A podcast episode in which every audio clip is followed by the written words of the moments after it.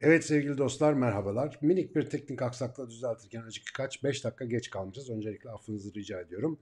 Ee, Açık Beyin'in yeni bir Sinan Canan'la 5 soruda bölümüyle karşınızdayız. Ee, bu bölümlere, bu seriye gösterdiğiniz ilgiye çok teşekkür ediyoruz.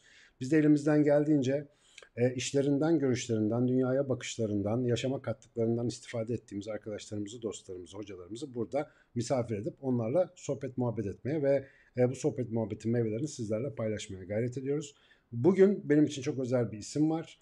E, benim için özel çünkü ben birkaç e, zamandır Türkiye'yi gezip beyin anlatırken, beynimizi nasıl doğru kullanırız meselesini anlatırken sıklıkla vurgulamaya çalıştığım bir konu var. O da e, geleceği hayal etmek ve ancak geleceği hayal edebilen insanların geleceği inşa edebileceği gerçeğini vurgulamaya, bunu özellikle gençlerimize anlatmaya çalışıyorum.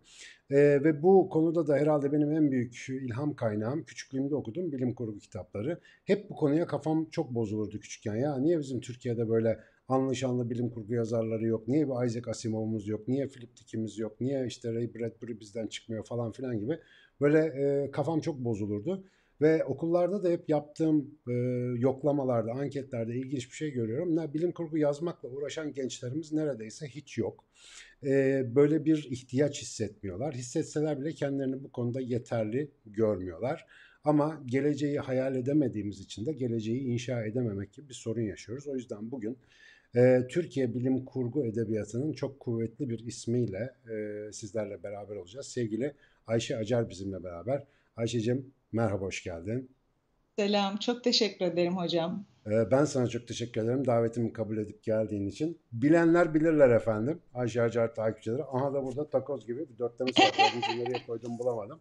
Burada gördüğünüz gibi e, yüzyıl 1, yüzyıl 2, yüzyıl 3 diye giden bir dörtleme içerisinde Bay Binet serisi. Ne diye Yeşil Adam ne diyordun sen bu seriye? Yüzyıl serisi Hı. birincisi Bay Binet. Hı hı. Ee, işte ikincisi Yeşil Adam bizim Hızır. Şöyle yapayım. Ee? Çok karanlık gözüküyor. Ha, tamam şimdi göründü evet. Evet. Üçüncüsü de Bayan Nima. Bayan Nima burada. Ee, Ayşe'yi ben ilk defa bir e, şeyden tanıdım. Twitter e, gönderisinden. Stanford Üniversitesi miydi orası? Oxford. O, Oxford, Oxford mıydı? Ha, bir, dedim böyle havalı bir üniversite ismi. Bizim Türklerden biri neye çağrılmış? Ana bilim kurgu konusunda çağrılmış deyince ben yerimden zıpladım tabii. Ondan sonra zaten tanışıklığımız başladı bir şekilde paslaştık. Bundan e, kendisiyle de e, sağ olsun bizi ofisimizde ziyaret etmişti. Yaptığımız sohbet muhabbette ben biraz gazla işte o 4 sene önce yaptığımız bilim kurgu öykü yarışmasını falan anlattım. İşte bu konuya böyle ne kadar evet. E, gazlı bir şekilde şey olduğumuzu, meftun olduğumuzu falan anlatmaya çalıştım.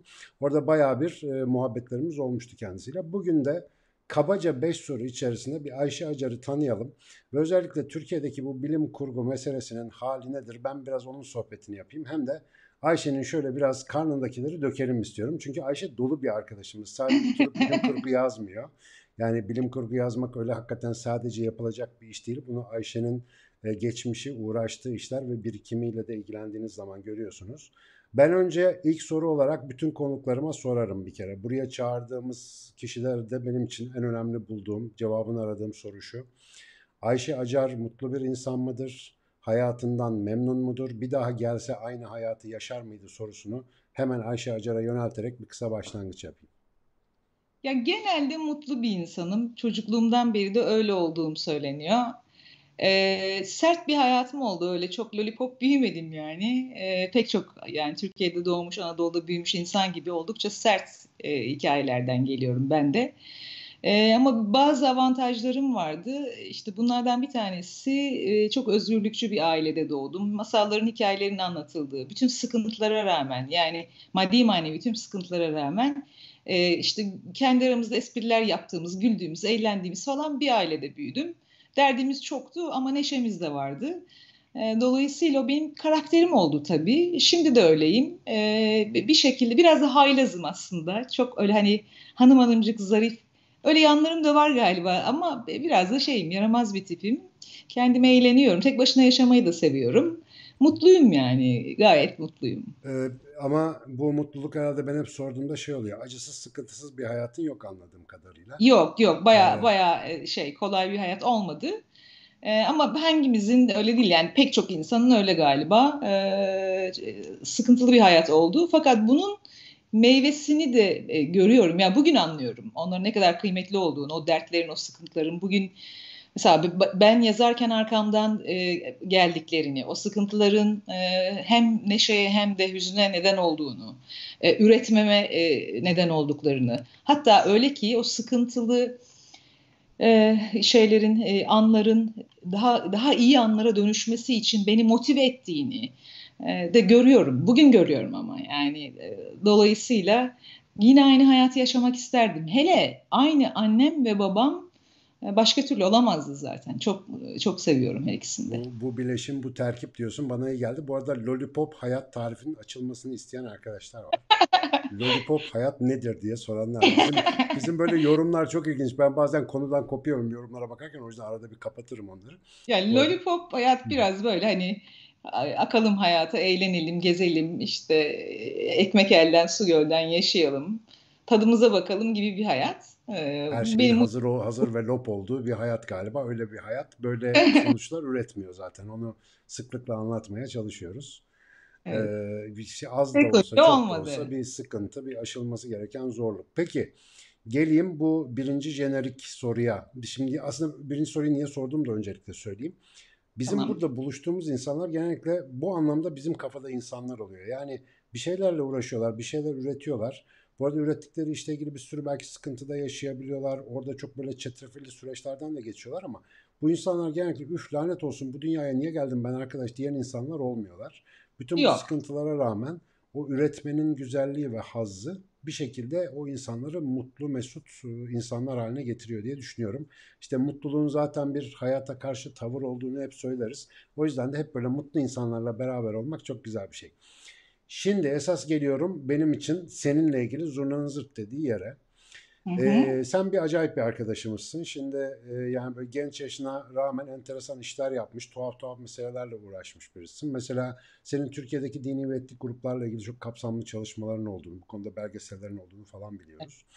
E, dini konular denebilecek şekilde manevi literatüre çok meraklısın. E, bu konularda çalışmaların, okumaların, yazmaların var. E, çok evet. ciddi e, marjinal fikirlerden faydalandığını ve onları takip ettiğini biliyorum. Böyle ilginç ilginç senle zaten sohbet ederken genellikle konular konular açıyor. Böyle tasavvufa meraklısın, işte doğu öğretilerine meraklısın falan filan. E sonra da bilim kurgu yazıyorsun. Yani şimdi bu bu ne aradaki bağlantı ne alaka? Ve şunu da sormak istiyorum. Yani dünyadaki büyük bilim kurgu yazarlarına en azından benim takip ettiklerime şöyle göz ucuyla bir baktığımda yani işte ne bileyim Asimov'dan hatta Edgar Allan Poe'yu falan bile al. Yani bütün o alanlarda, fantazi alanında da kalem oynatmış insanların. E, neydi o Yüzüklerin Efendisi'nin yazarı işte? Tolkien. Ha, Tolkien mesela o arkadaşların çok ciddi bir e, mitolojik ve geleneksel arka plandan besleniyorlarmış gibi bir görüntüsü var. Bizdeki tabii tabii dinden, ise dinden biraz daha böyle sanki taklit gibi, biraz daha o e, nasıl diyelim müktesebata öykünmek gibi seni acaba bilim kurgucu yapmakta bu background'unun nasıl bir etkisi var? Bize acık izleyini anlatsana. Nerelerden geçtin? Ya ben şöyle olmadı. Yani Tolkien, okudum ya da Rowling'i okudum, Harry Potter'ı okudum ya da Star Trek'teki şeyi gördüm. E, nedir o? E, işte Tao felsefesini. Çünkü Star Trek bol miktarda e, bütün repliklerinde Star Wars bütün repliklerinde e, Tao'yu çok yoğun kullanıyor. Yani bir dini bir inancı çok yoğun kullanıyor. Ben bunları seyrettim de aa dur ben de şu dini mini meselelere bir bakayım falan diye yola çıkmadım elbette. Ben e, yani çocukluğumdan beri bir şey gibi Bizontele Emin gibi sürekli cihaz kafasında üreten birisiydim. Yani mühendis olsam fena olmazdı. Ee, sadece böyle bir özelliğim vardı. Hayal ediyordum. Şu şöyle olmasa, bu öyle olmasa. Ee, işte buzdolabı şöyle çalışsa ya da bu işte masa sadece masa olmasa da aynı zamanda gardırop olsa, sonra gerekirse koltuk olsa falan diye böyle hayallerim olurdu ama bilim kurgudan hareket etmedim. Yani ben belgesel çekmek için e, belgeselciydim o dönem. Belgesel çekmek için sahaya inmeden önce doğal olarak literatür çalıştım. Yani eğer literatüre hakim değilseniz doğru soru soramazsınız. Doğru soru soramazsınız da soramazsanız da e, yani kişilere ulaşamazsınız ve doğru kişileri bulamazsınız aynı zamanda. E, literatürü çok uzun süre çalıştıktan sonra sahaya indim. Türkiye'de ve İsrail'de işte İsrail'de Hayka, e, Akka, Hayfa, e, Jerusalem, Kudüs'te çalıştım. Türkiye'de Türkiye'nin dört bir ilinde yani burada ismi sayamayacağım epeyce yerde çalıştım. e, Müslümanlık, Hristiyanlık, Yahudilik, Ezidilik çalıştım. Bunların hem Ortodoks grupları yani e, ibadet ritüellerini, yaşamların, ibadetlerin, dinlerinin merkezine koyup öyle hareket eden gruplar, Ortodoks gruplar çalıştım ya da işte heterodoks denilen ya da mistik denilen, ezoterik denilen grupları da kaba kaba e, çalışan arkadaşlarla da bir çalıştım. E, tasavvuf ehli olan insanlarla da, Alevilerle, Melamilerle, Bektaşilerle de çalıştım. E, ve e, röportajlar yaptım bunlardan ve bir, bir, bir belgesel serisi tabii ki çıktı. Ama bu arada ben yöntem olarak fenomenolojiyi kullanmaya çalıştım. Yani ol, olabildiği kadar onların kendi inançlarını anlatırken, mitolojilerini anlatırken, kendi masallarını anlatırken nasıl mimikler kullandıkları, nasıl heyecanlandıkları beni ilgilendirdi. Mesela ben Tora'da Hezekiel'in rüyası bana anlatıldığında, onun simgeselliği vesaire anlatıldığında ben onu böyle bir sinema sahnesi gibi dinliyordum. Ya muhteşem bir film olur bundan diyordum. Ya da e, Miraç fenomeni benim için aynı zamanda muazzam bir şey, film şeyidir, sahnesidir. Çok büyük bir sahnedir. E, ya da Kırklar Meclisi olağanüstü bir şeydir yani olağanüstü bir şeydir. E, ben Tokat'ta büyüdüm, Tokat Turhal'da büyüdüm. E, mesela orada e, Kesikbaş türbesi vardır. Şeh, şeyin tam da ortasında, şehrin ortasında ve bir inanç nesnesi olarak, inanç meselesi olarak insanlar oraya gider namaz kılarlar, ibadet ederler falan. E, işte aynı Kesikbaş mesela Harry Potter'da da vardır biliyorsunuz. E, ben Kesikbaş hikayelerini dinlerken bir taraftan da kafamın bir yanında tüm şey çalışıyordu yani. Hani bu tüm söylencileri, inancaları hatta eğer Jung açısından bakarsam e, o ortak rüyaları, kolektif bilinçaltının e, e, açığa çıkardığı ortak rüyaları modern edebiyata, modern fantastik edebiyata acaba niye aktarmıyoruz diye hep düşünürdüm. Çalışırken de kafamın hep arkasında bunlar vardı. Ama benim yaklaşık 8-10 yıl sahada gezip e, Ezidiler, Ezidilerin mitleri, onları da söylemem lazım. Onlar da muhteşem gerçekten.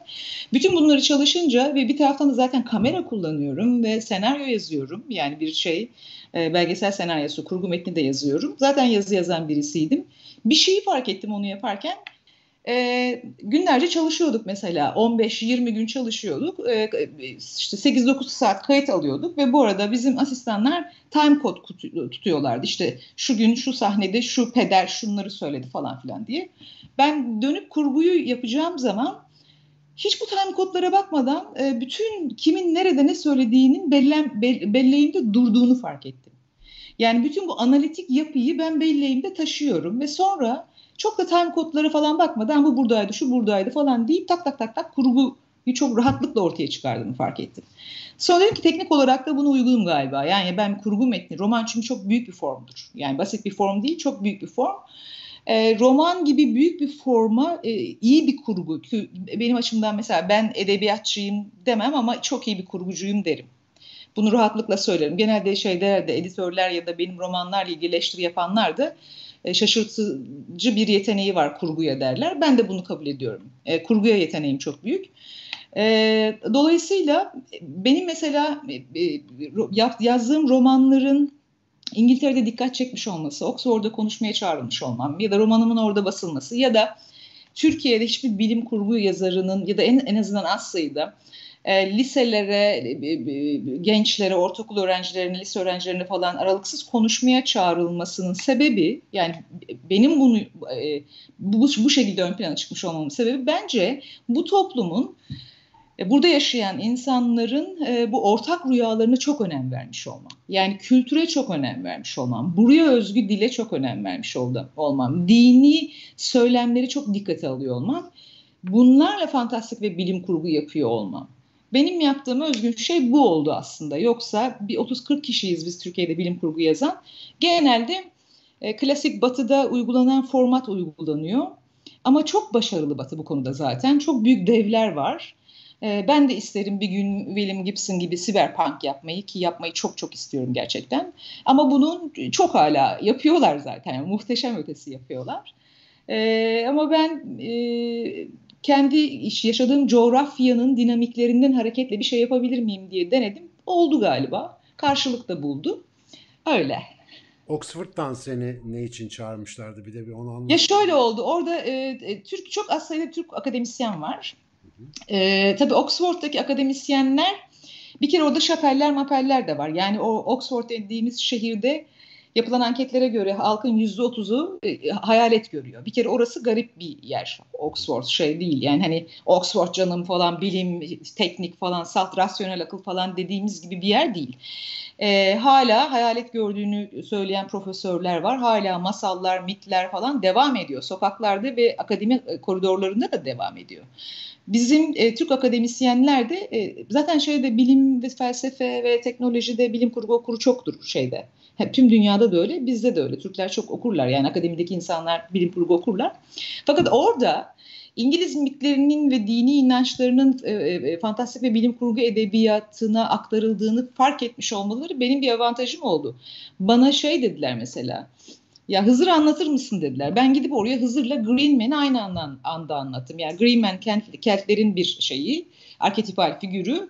E, Hızır, Hızır da bizde yani bir, bir işte inanç açısından da uzun uzun yorumlayabilirim ama aynı zamanda bizim toplumumuzun ortak rüyası. Ee, imanımız olsun ya da olmasın ortak rüyası. Dolayısıyla Green Man'le e, bizim Yeşil Adam çünkü aslında Green Man ve Yeşil Adam aynı şey ve bizim de Hızır, Hadra, Yeşil demek, Yeşil Adam demek zaten. Ee, ikisini bir arada anlatır mısın diye çağırmışlardı Türk akademisyenler. E, doktor öğrencileri de master öğrencileri falan da dahil oldular. E, dolayısıyla orada e, Sen Hall'da galiba ilk defa bir Türk edebiyatçı e, Türk mitlerini anlattı ve e, yabancı işte dostlarla da falan da tanıştım. Onlar çok ilgilendiler mesela bizim mitlerimizle.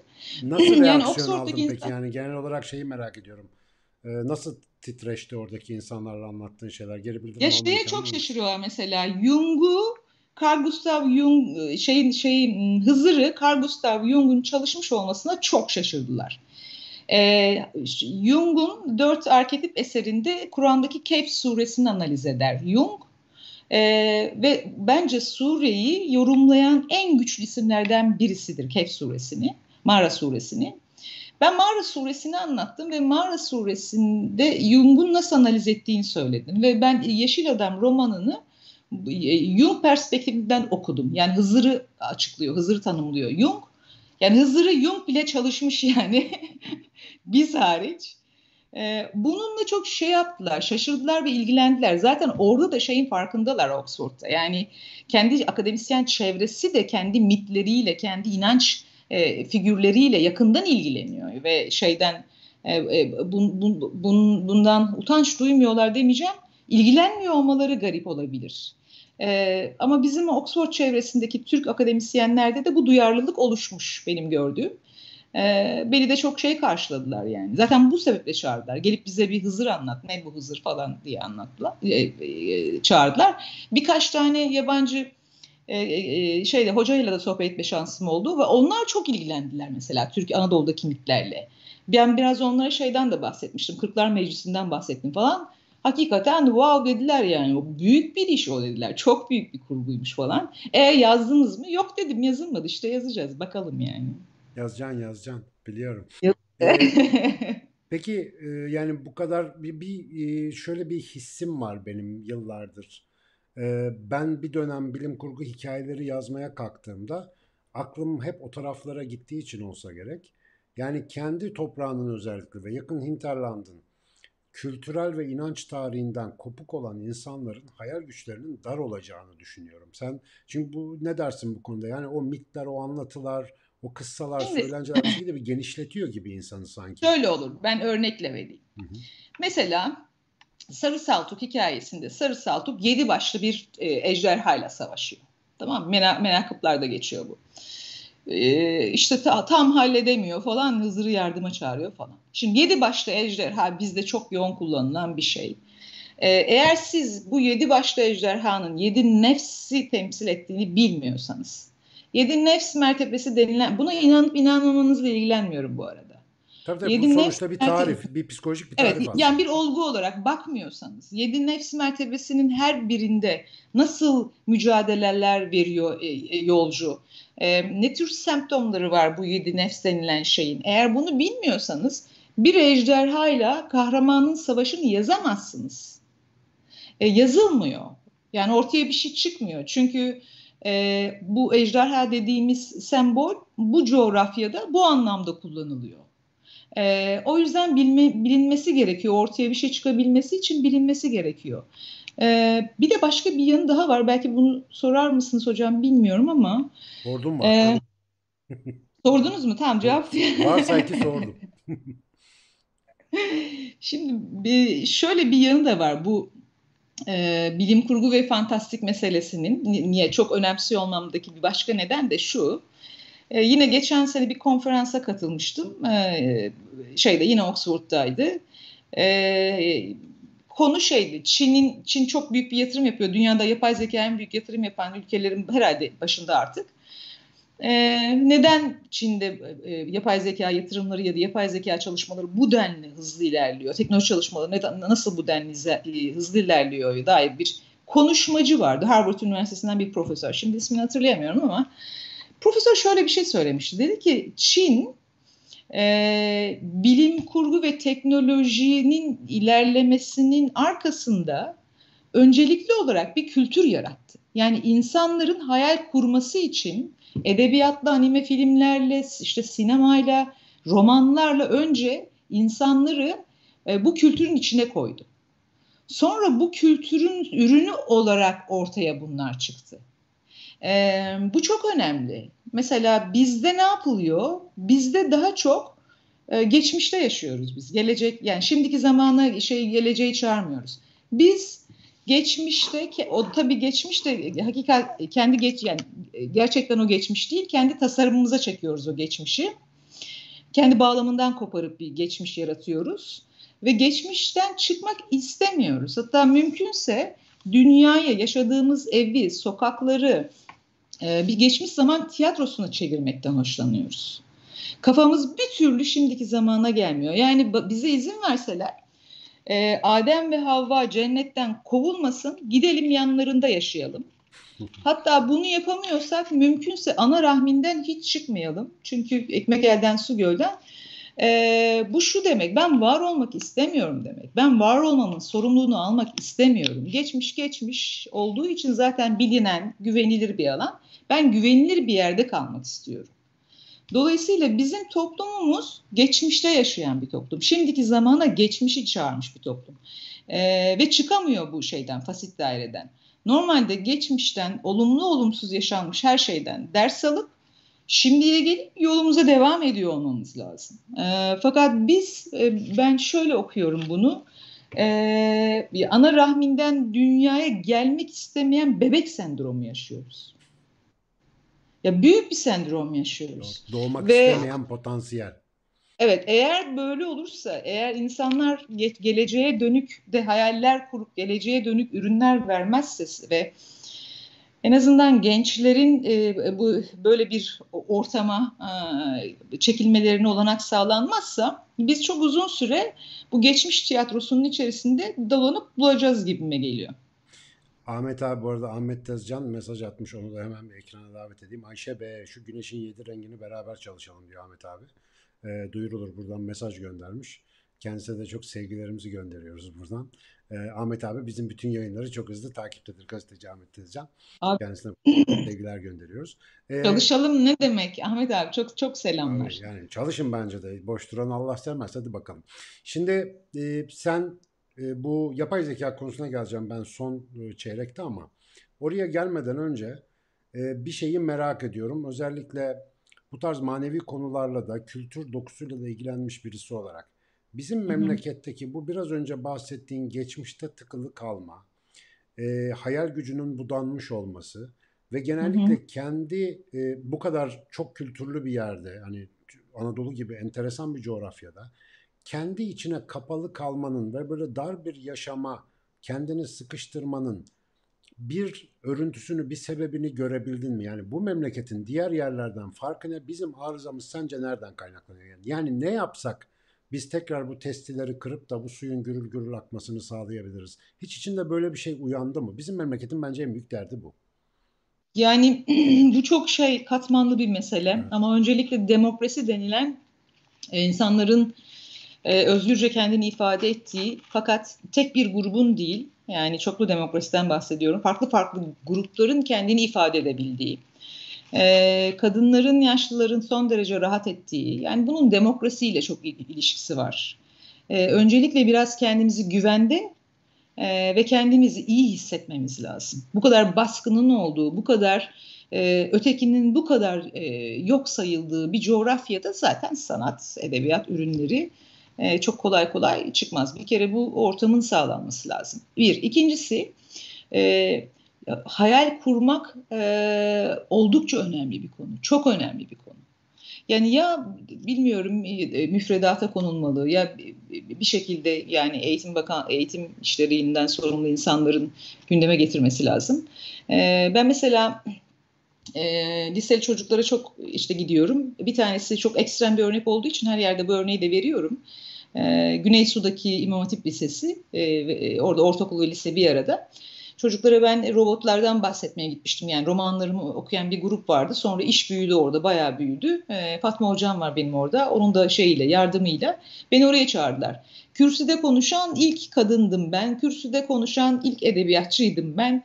E, çocuklar biraz gergindi. Yapay zeka falan acaba Tanrı'ya karşı bir şey midir falan epeyce gergindi. Sonra ben yavaş yavaş onlara bu işin çok da öyle olmadığını belki de Tanrı'nın arzusuyla bu tür işlerin olduğunu falan tatlı tatlı anlatmaya çalıştım. Belki de samimiyetime güvendikleri için inandılar. Ve değer verdiler daha doğrusu. İnandılar demeyeyim ama düşüncelerime değer verdiler. Sonra çocuklara dedim ki çocuklar bunları bırakın. Sizinle şöyle bir, bir, bir şey hayalini kuralım. Ben başlatayım siz devamını getirin. Tamam dediler. Çok kalabalık bir salon. Ee, dedim ki Twitter, Instagram, Facebook kullanıyor musunuz? Evet hepimiz kullanıyoruz. Biliyor musunuz dedim bunların hepsi yakında şehir olacak. Nasıl şehir olacak dediler. Çünkü virtual reality e, teknolojiyle beraber üç boyutlu olarak biz artık bu işleri e, içine gireceğiz. Yani dokunma, e, koklama e, gibi bütün duyu organları da simüle edilecek. Yavaş yavaş tatma falan, tatmayı Japonlar falan çalışıyor. Bunlar simüle edilecek. Dolayısıyla biz Twitter diye bir şehre gireceğiz. Kendimiz giriş yapacağız avatarlarımızla. E, o sokaklarda e, tasarımlar olacak. Mesela siz sokakları tasarımlama mesleğiyle ilgilenebilirsiniz. Mesela terziler olacak. Avatarlara terzi e, e terziler kıyafet dikecek. E, ya da protestolar oralarda o şehir Twitter şehrinde gerçekleşecek. E, partiler düzenleyeceksiniz Twitter şehrinde ya da ibadetler yapılacak Twitter şehrinde, Facebook şehrinde. Sokaklarında gezeceğiz. Ne diyorsunuz? O şahane hocam şu da olabilir mi? Bunu da ekleyebilir miyiz? Acaba böyle bir şey yapabilirler mi falan. Böyle yarım saat, bir saat birlikte hayal kurduk. Yani ben bir şeyi başlattım ve devam ettik. Sonra e, bu grup e, şey e, Rize'deki Güneysu'daki İmam Hatip Lisesi yılda iki defa bilim teknik dergisi çıkarmaya başladı. E, ve güçlü dosyalarla. Bir tane çocuk oradan e, fantastik yazmaya başladı. Ve ara ara metinleri de bana gönderiyor. E, yani çocuklara sadece bir hayal oyunu bir küçücük oldu. dokunuş nelere kadir değil mi? E, tabii ve böyle yarım saat hayal kurdular. O kadar mutlu oldular ki şu, bu olmadığı sürece e, biraz zor bu işler. Yani hayal kurmak delilik gibi geliyor. Yani işte aklı kıt bunun galiba diyorlar işi gücü aklı bir karış havada diyorlar mesela. Ee, öyle değil o işler. Hayal kurmanın çok önemli olduğunu, çocukların zekasını parlattığını, hele bu çağda yani virtual reality'ye, ikinci bir gerçeklik olarak sanal gerçekliğe geçiş yaptığımız bir dünyada sanal boyların yani sanal dijital bir kadın ve erkeklerin artık var olduğu ve kimlik problemlerinin konuşulduğu, hukuken kimlik problemlerinin konuşulduğu bir dünyada Second Life gibi 12 milyon kullanıcısı olan Associated Press'ten IBM'e kadar devasa şirketlerin binalarının olduğu, kendi iç hukuku olduğu, evlenme ve boşanmaların olduğu Second Life gibi virtual reality gerçeğinin karşısında e, böyle işte geçmişe ait nesneleri kıyafet edinip sokakta gezmek olmuyor. Yetmiyor daha doğrusu. evet. Bunun için de genç zihinlerin e, bağlantılardan münezzeh zihinlerine, e, zincirlerden evet. kurtulmuş zihinlerine ihtiyacımız var. İnşallah onlara ben tabii işin teorisini anlatarak ama Ayşe Acar gibi arkadaşlarımızda nasıl yapıldığını göstererek inşallah bol bol örnek olmaya bu sözü de yaymaya çalışıyoruz. Ben kısaca özellikle bizi izleyen genç arkadaşlar için e, bizim bir serimiz vardı. İnşallah e, ben becerebilirsem Mustafa Can yapıyor bizim ama bu kitap neden okunur diye bir seri var. Ben şimdi yazarına sorsam bu üçleme neden okunur Ayşe? Niye yazdın bunu ve bu Ee, yazdığın şeyin aktarmak istediğin mesajı bize özetler misin be? e, şu anda dünyada ne konuşuluyor? Üç tane konu konuşuluyor. Teknolojik tekillik. E, yapay zekada yani üçüncü aşama olarak beklenilen bir konu. Teknolojik tekillik. Simülasyon argümanı konuşuluyor. Profesör Nick Bostrom'un işte Oxford İnsanlığın Geleceği Enstitüsü'nün başkanı.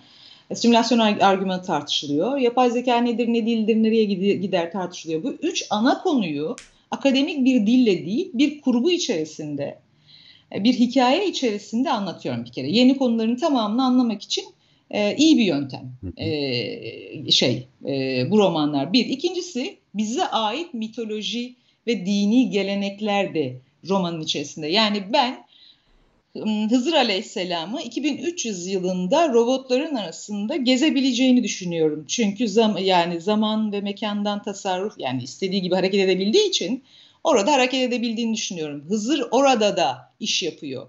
Yani bu kült bizim geleneğimizi de oraya taşıyor. Mesela Kan Kalesi'ni e, Hazreti Ali'nin cenklerinden birisidir. Meşhur bir cenk. Kan Kalesi'ni virtual reality game'e dönüştürdüm ben romanda.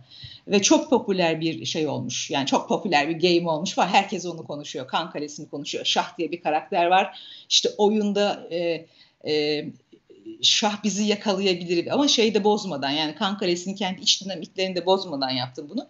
Dolayısıyla hem bugün ne konuşuluyor onu görecekler hem de kendi geleneklerinin de içerisine girebileceğini görecekler.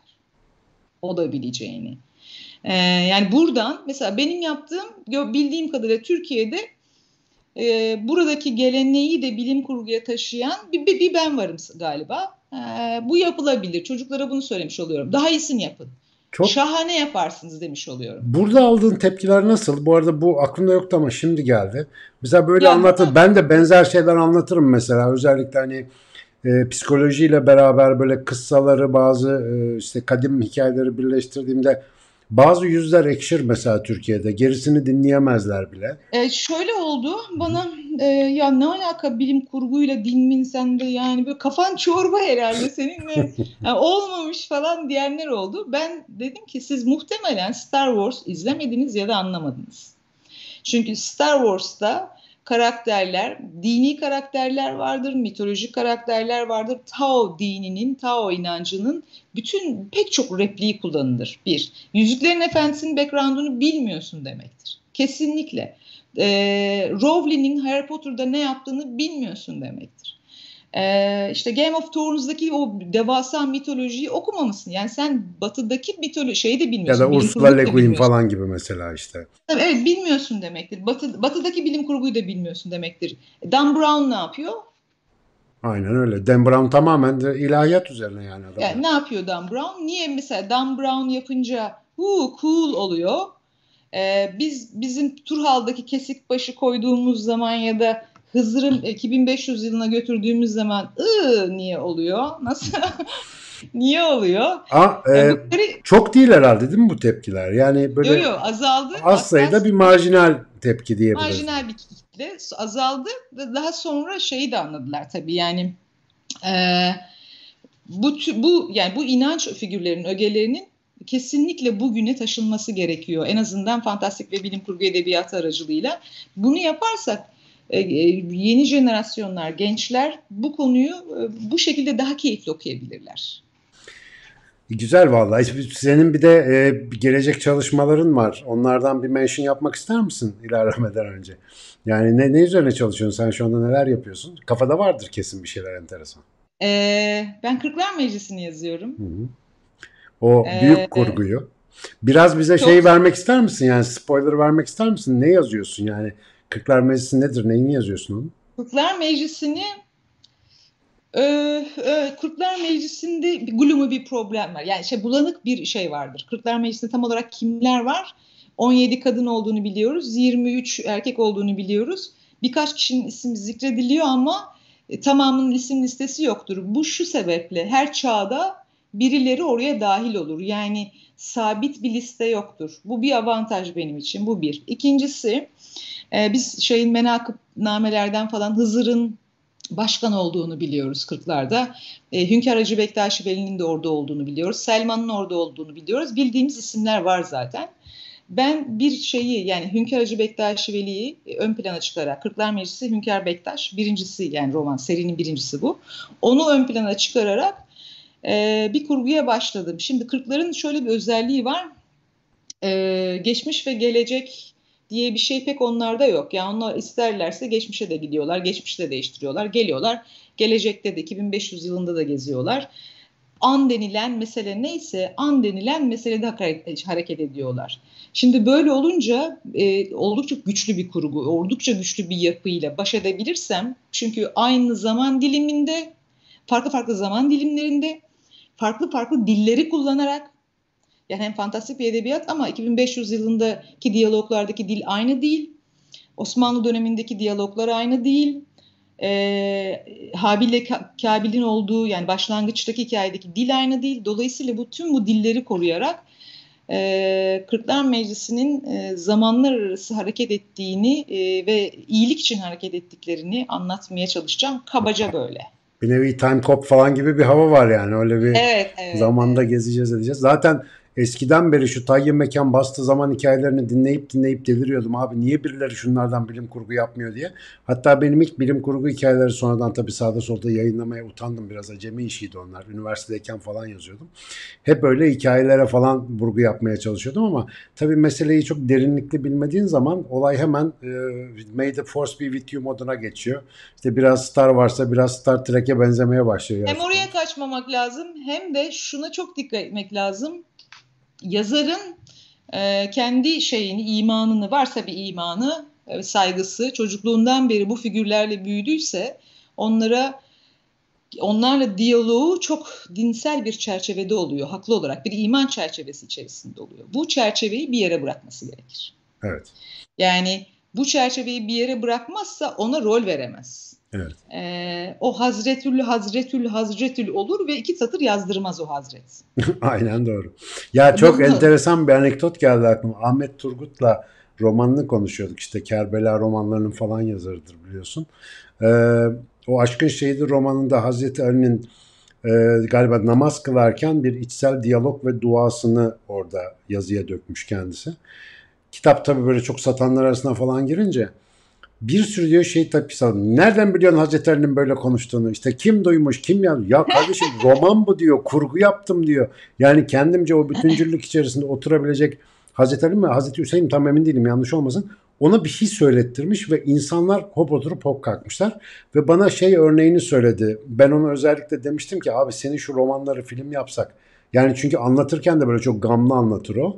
Ee, ve hani bir film olsa uçururuz falan demişken bana şey demişti.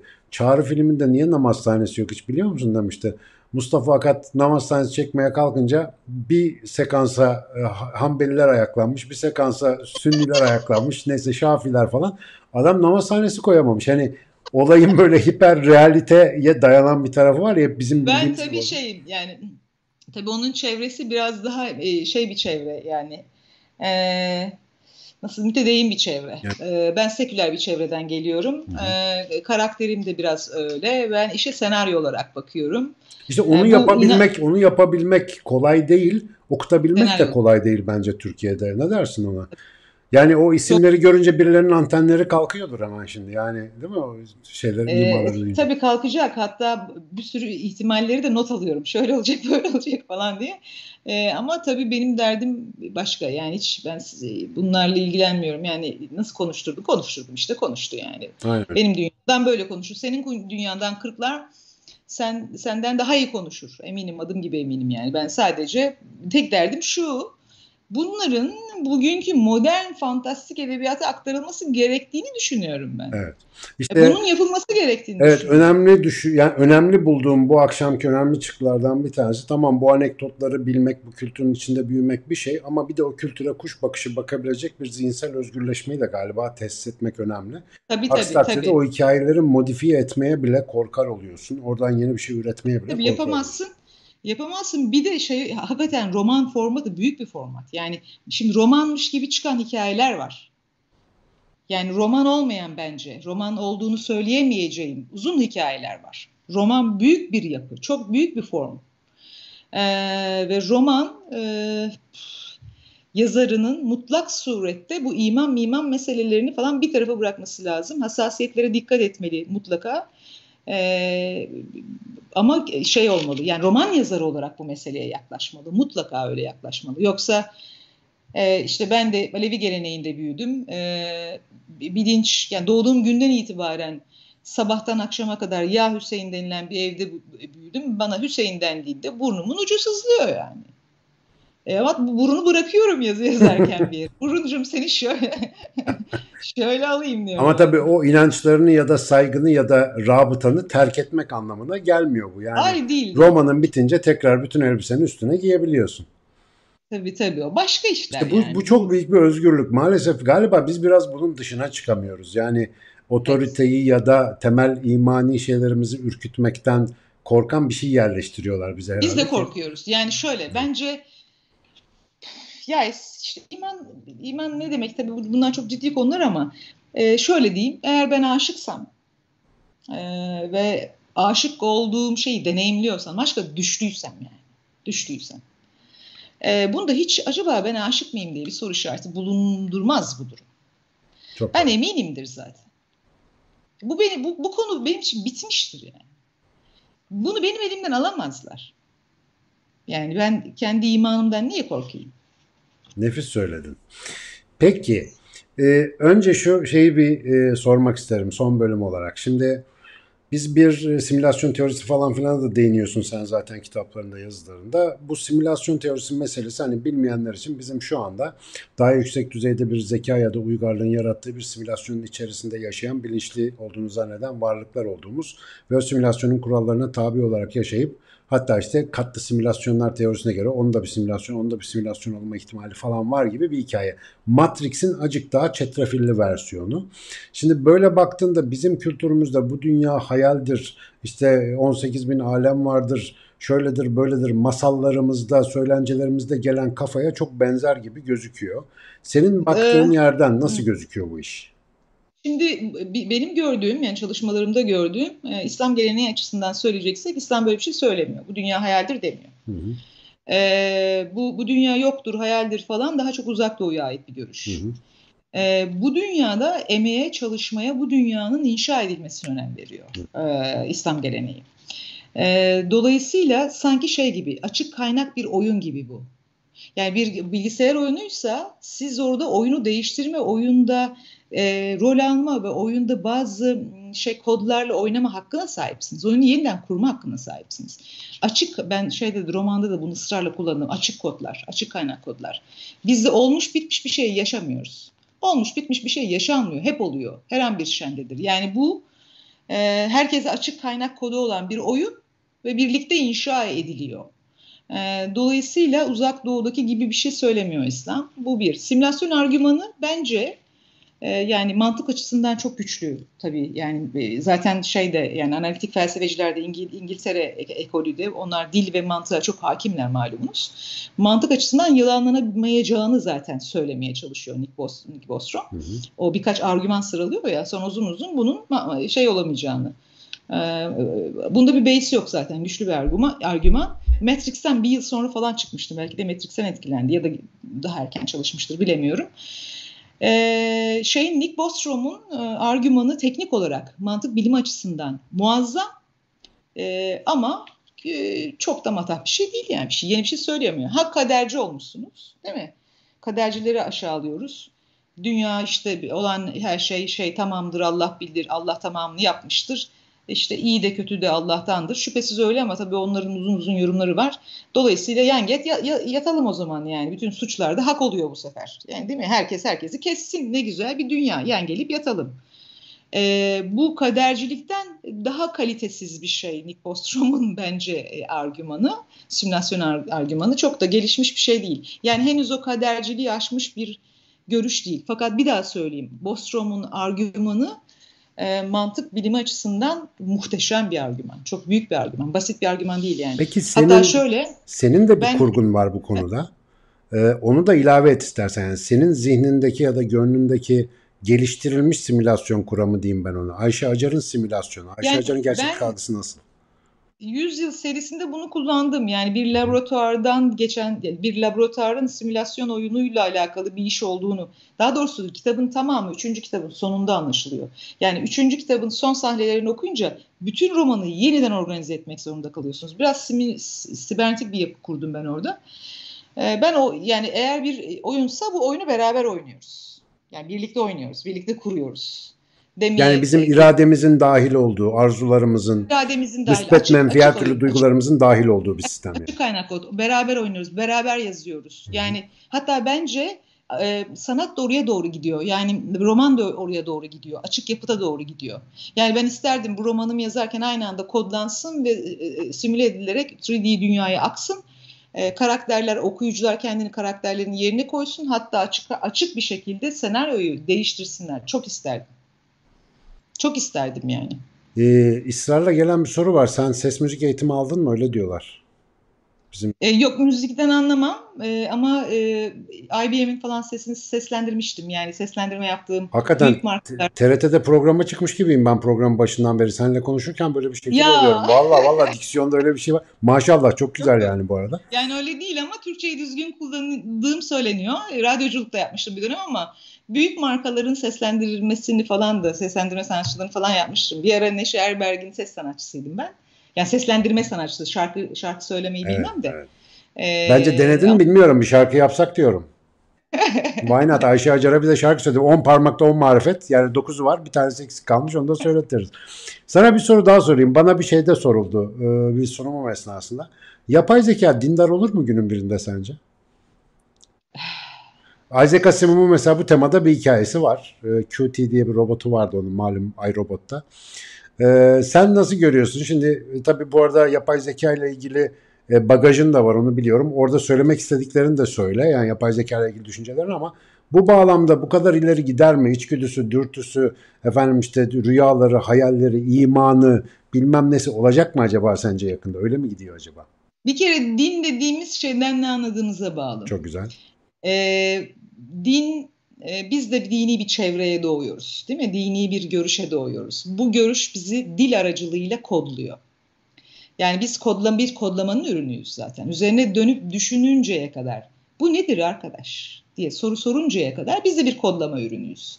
Dolayısıyla böyle bir kodlama yapılabilir şeye, makinelere yapılabilir. Bu anlamıyla dinleri olabilir.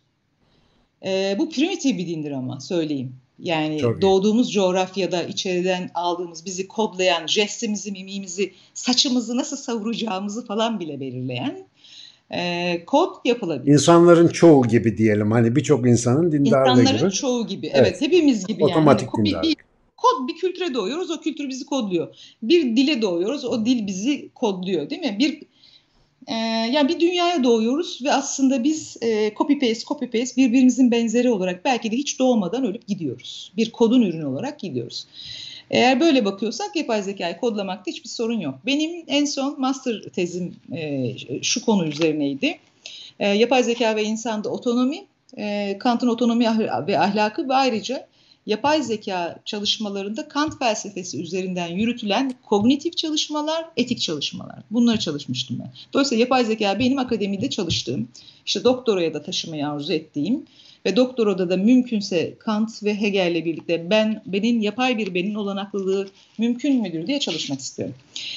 E, yapay zeka şu aşamada içinde bulunduğumuz dar kapsamlı Narrow Artificial Intelligence denilen aşamada bir iradeye sahip değil e, herhangi bir otonomiye sahip değil. Otonom araçlar diyoruz ama henüz değil. Semi otonomi dediğimiz aşamadalar, yarı otonomlar.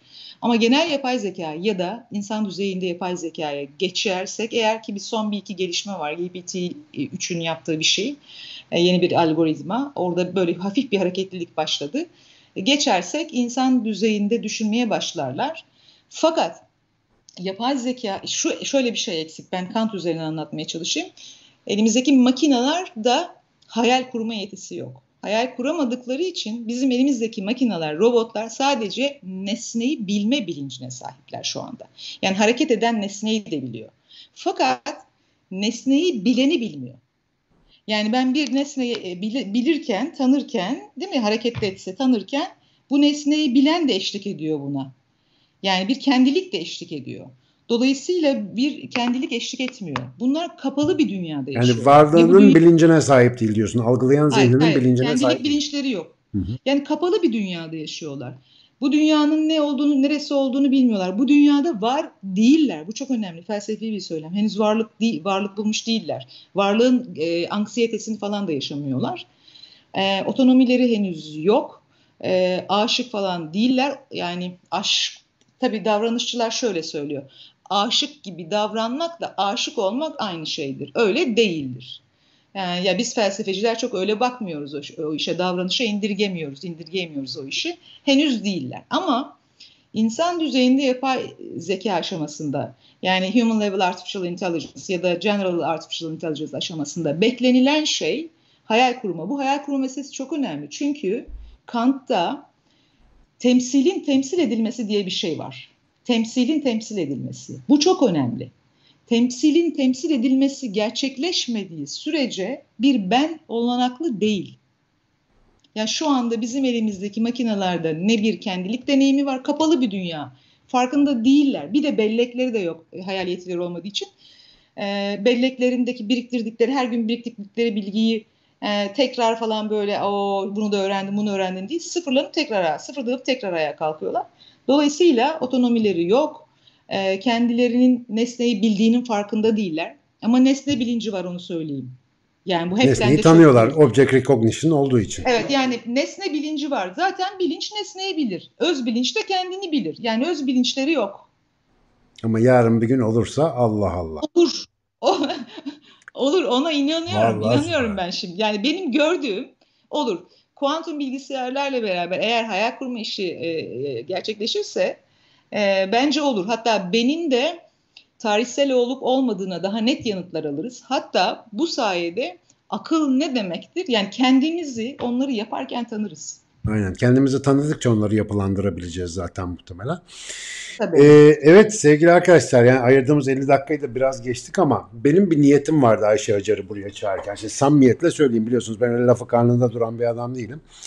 Ee, ben Ayşe ile tanıştıktan ve balkonda iki muhabbet ettikten sonra e, bir böyle enteresan çarpılma olmuştu bende. Ya dedim bu kız bir küçücük fıçıcık içi dolu turşucuk dedim bu nasıl bir şey böyle falan. Bizim Açık Bey'in takipçileriyle de tanıştırsam iyi olur diye düşündüm ve benzer bir duygunun oluşacağını düşünmüştüm ki bir e, yorumlara bakıyorum. Çok sayıda yorum geliyor ama birçok yorumun ortalaması olan bir yorum var. Onu şimdi ekrana taşımak istiyorum. Sevgili Orkide Ceylan yazmış ki çok acayip bir kadınmış. Ben de hayran kaldım açıkçası diye şak şak şak şak bir alkış yapmış. Gerçekten katılıyorum arkadaşlar. Bizim memleket zaten cevher doludur. Ama bu cevherlerle şöyle bir durup soluklanıp tanışmaya çoğu zaman vaktimiz olmaz. Biz açık beyin olarak bunun keyfini yaşıyoruz. Bizim orası tanışma mekanı oluyor. İşte bu muhabbetler insanları bir araya getirip böyle testilerden istifade edip işte testilerimizi doldurabilme, karşılıklı alışveriş yapabilme imkanı veriyor. O yüzden bizim ülkenin bence son dönemlerde yetiştirdiği en kıymetli zihinlerden bir tanesi sevgili Ayşe Acar'ı da bugün burada bu amaçla konuk ettik. Ee, yani şöyle genel olarak bir bakıyorum millet coştu vallahi çok hoşlarına gitmiş. Bence de öyle lafta kalmasın. Gidin arkadaşlar bir kere şu üçlemeyi hemen bir edinin. Türkiye'de Türkiye'nin zihniyle yazılmış buralara has organik e, katkı maddesi organik. içermeyen evet dışarıdan ithal malzeme içermeyen e, yepyeni bir bilim kurgu bakış açısıyla e, bir şeyler okumakla kalmayın. İnşallah buradan cesaret alarak ya da bu cesareti başkalarına da aktararak geleceği hayal edebilme cesaretini artık lütfen elde edelim ve bu geleceği evet. hayal etmeyi kendi zihnimizle yapalım. Yani başka zihne ihtiyacımız olmadığını da fark edelim ve yarını inşa edenler geleceği hayal etme cesareti olanlar. Bunu hep söylüyoruz. Ayşe bunlardan biri. Ayşe gibiler. Ee, bir bulursam inşallah Sadık Yemli'yi de alacağım buraya. Onun da kafası çok hoşuma gidiyor. Türkiye'de zaten çok az sayıda isim var. İnşallah hepsini burada zamanla ağırlayacağız. Yavaş yavaş. Ayşe bizim o konulardaki baş danışmanımız artık söyler. Biz ona göre hareket ederiz. Ee, Bütün delilleri toplarım hocam. Valla topla. Hakikaten hatta hepsiyle bir şey yapalım. Bilim kurgu ve zihin beyin zirvesi falan yapalım yani. Yaparız burada. Hiç problem değil. Açık beyin işi bu. Ee, ben bugün sana çok teşekkür ediyorum geldiğin için. E, misafir ben olduğun için. Ben de çok teşekkür ederim. Ee, gerçekten tekrar tekrar izlenmesi gereken bir yayın olduğu kanaatindeyim. Çünkü üzerinden atladığımız çok mevzu her biri ayrı bir yayın ya da kitap konusu. O nedenle e, şimdilik tanıştırma yaptık diyelim. İleride Ayşe'nin yoğun çalışmalarından vakit bulursak ben de başka konularda konuşmaya biraz ara verebilirsem bu konuları inşallah daha detaylı derinleştirelim bir araya gelelim isterim. Yapar mıyız öyle bir şey Ayşe'cim? Yaparız Ee, bence. çok teşekkür ediyorum. Ben bütün o yorumları okuyacağım. Şimdi Oku oku çok tabii. eğlenceli vallahi millet bayıldı. Ee, hani e, verilen reaksiyonlar çok güzel. Bir de bizim burada genellikle şeyde e, yorumlar kısmında böyle eski tip IRC chatlerine benzeyen muhabbetler falan döner. Onları e, ıska geç yani bir şekilde bizim kanalda da oluyor. Ama e, yani genel olarak gelen tepkiler çok pozitif, çok iyi yönde. Ben açıkçası tam beklediğim gibi. Bizim Açık Beyin'de niş bir takipçi kitlesine sahip olduğu için ben bunu önemli buluyorum. E, zihin, baht, beyin ve gönül açıklığı diliyorum sana. İnşallah Çok teşekkür Yeni çalışmalarında aka aka gidersin, coşa coşa gidersin. Biz de bol bol istifade ederiz. Bugün sevgili Ayşe Acar'la beraberdik. İnşallah e, bir dahaki hafta her cuma günü bu saatlerde yaklaşık ya 7'de ya 21'de oluyor duruma göre. 5 soru programımız devam edecek. Kanala abone olmayı tabii unutmamanızı hatırlatıyorum. Bu işin sünnetindendir biliyorsunuz. Bir de böyle yanındaki düğmeye basın ki haber gelsin. Hepinize çok sevgiler, iyi akşamlar diliyorum.